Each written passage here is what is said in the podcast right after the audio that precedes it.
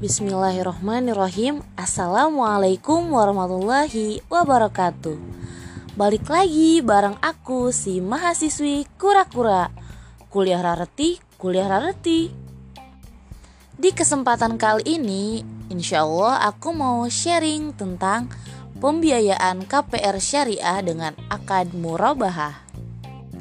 Sebelumnya aku mau tanya dulu nih Teman-teman udah pada tahu belum apa sih perbedaannya pinjem uang ke bank konven sama pembiayaan di KPR syariah? Ada yang tahu? Oke, lanjut aja kita bahas. Jadi, kalau semisal nih teman-teman datang ke bank konvensional buat pinjem uang karena teman-teman butuh buat beli rumah yang seharga 100 juta Nah, bank konven ini bakalan ngasih 100 juta dengan bunga yang udah mereka tentuin. Tapi ketika teman-teman datang ke bank syariah buat beli rumah yang seharga 100 juta, teman-teman bakalan dikasih pembiayaan. Nah, maksudnya gimana sih pembiayaan tuh?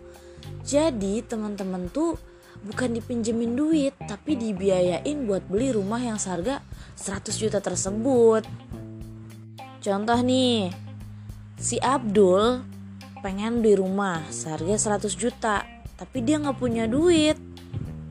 Nah, datanglah dia ke KPR Syariah. Dia bilang tuh, Bang, saya pengen beli rumah nih seharga 100 juta, tapi saya nggak punya duit. Gimana ya?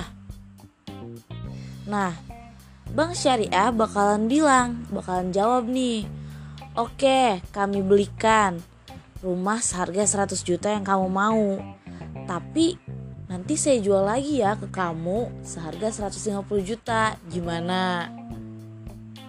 Si Abdul mengiyakan, maka terjadilah akad murabahah atau akad jual beli.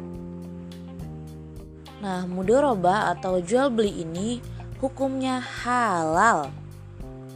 Boleh dicicil nih, mau 12 bulan, 24 bulan, terserah dah. Gimana kesepakatan si Abdul sama pihak bank dari awal. Tapi ada dua poin yang harus diingat. Pertama, akadnya harus jual beli atau pembiayaan.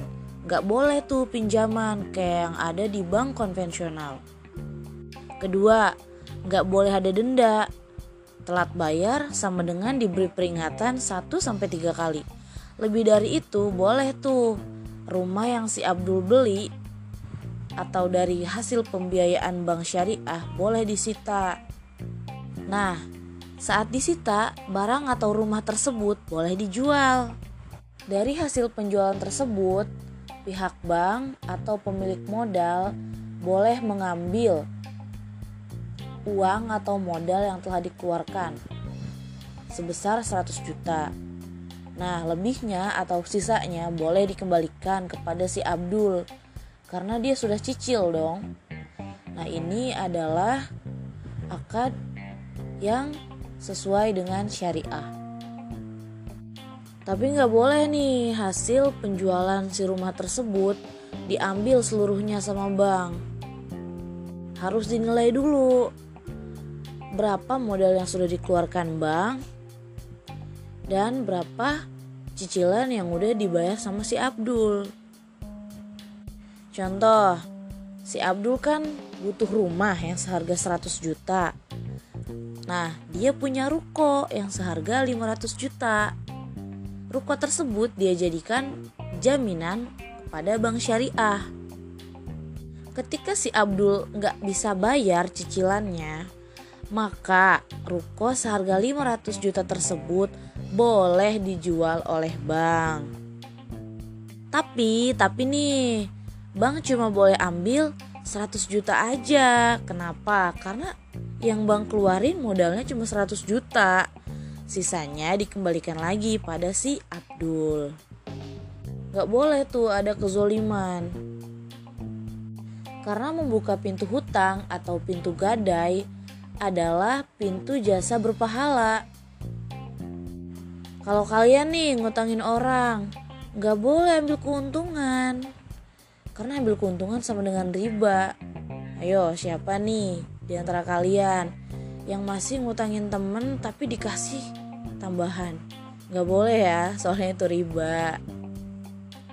Oke, cukup sekian sharing kali ini. Kurang lebihnya aku mohon maaf. Semoga bermanfaat.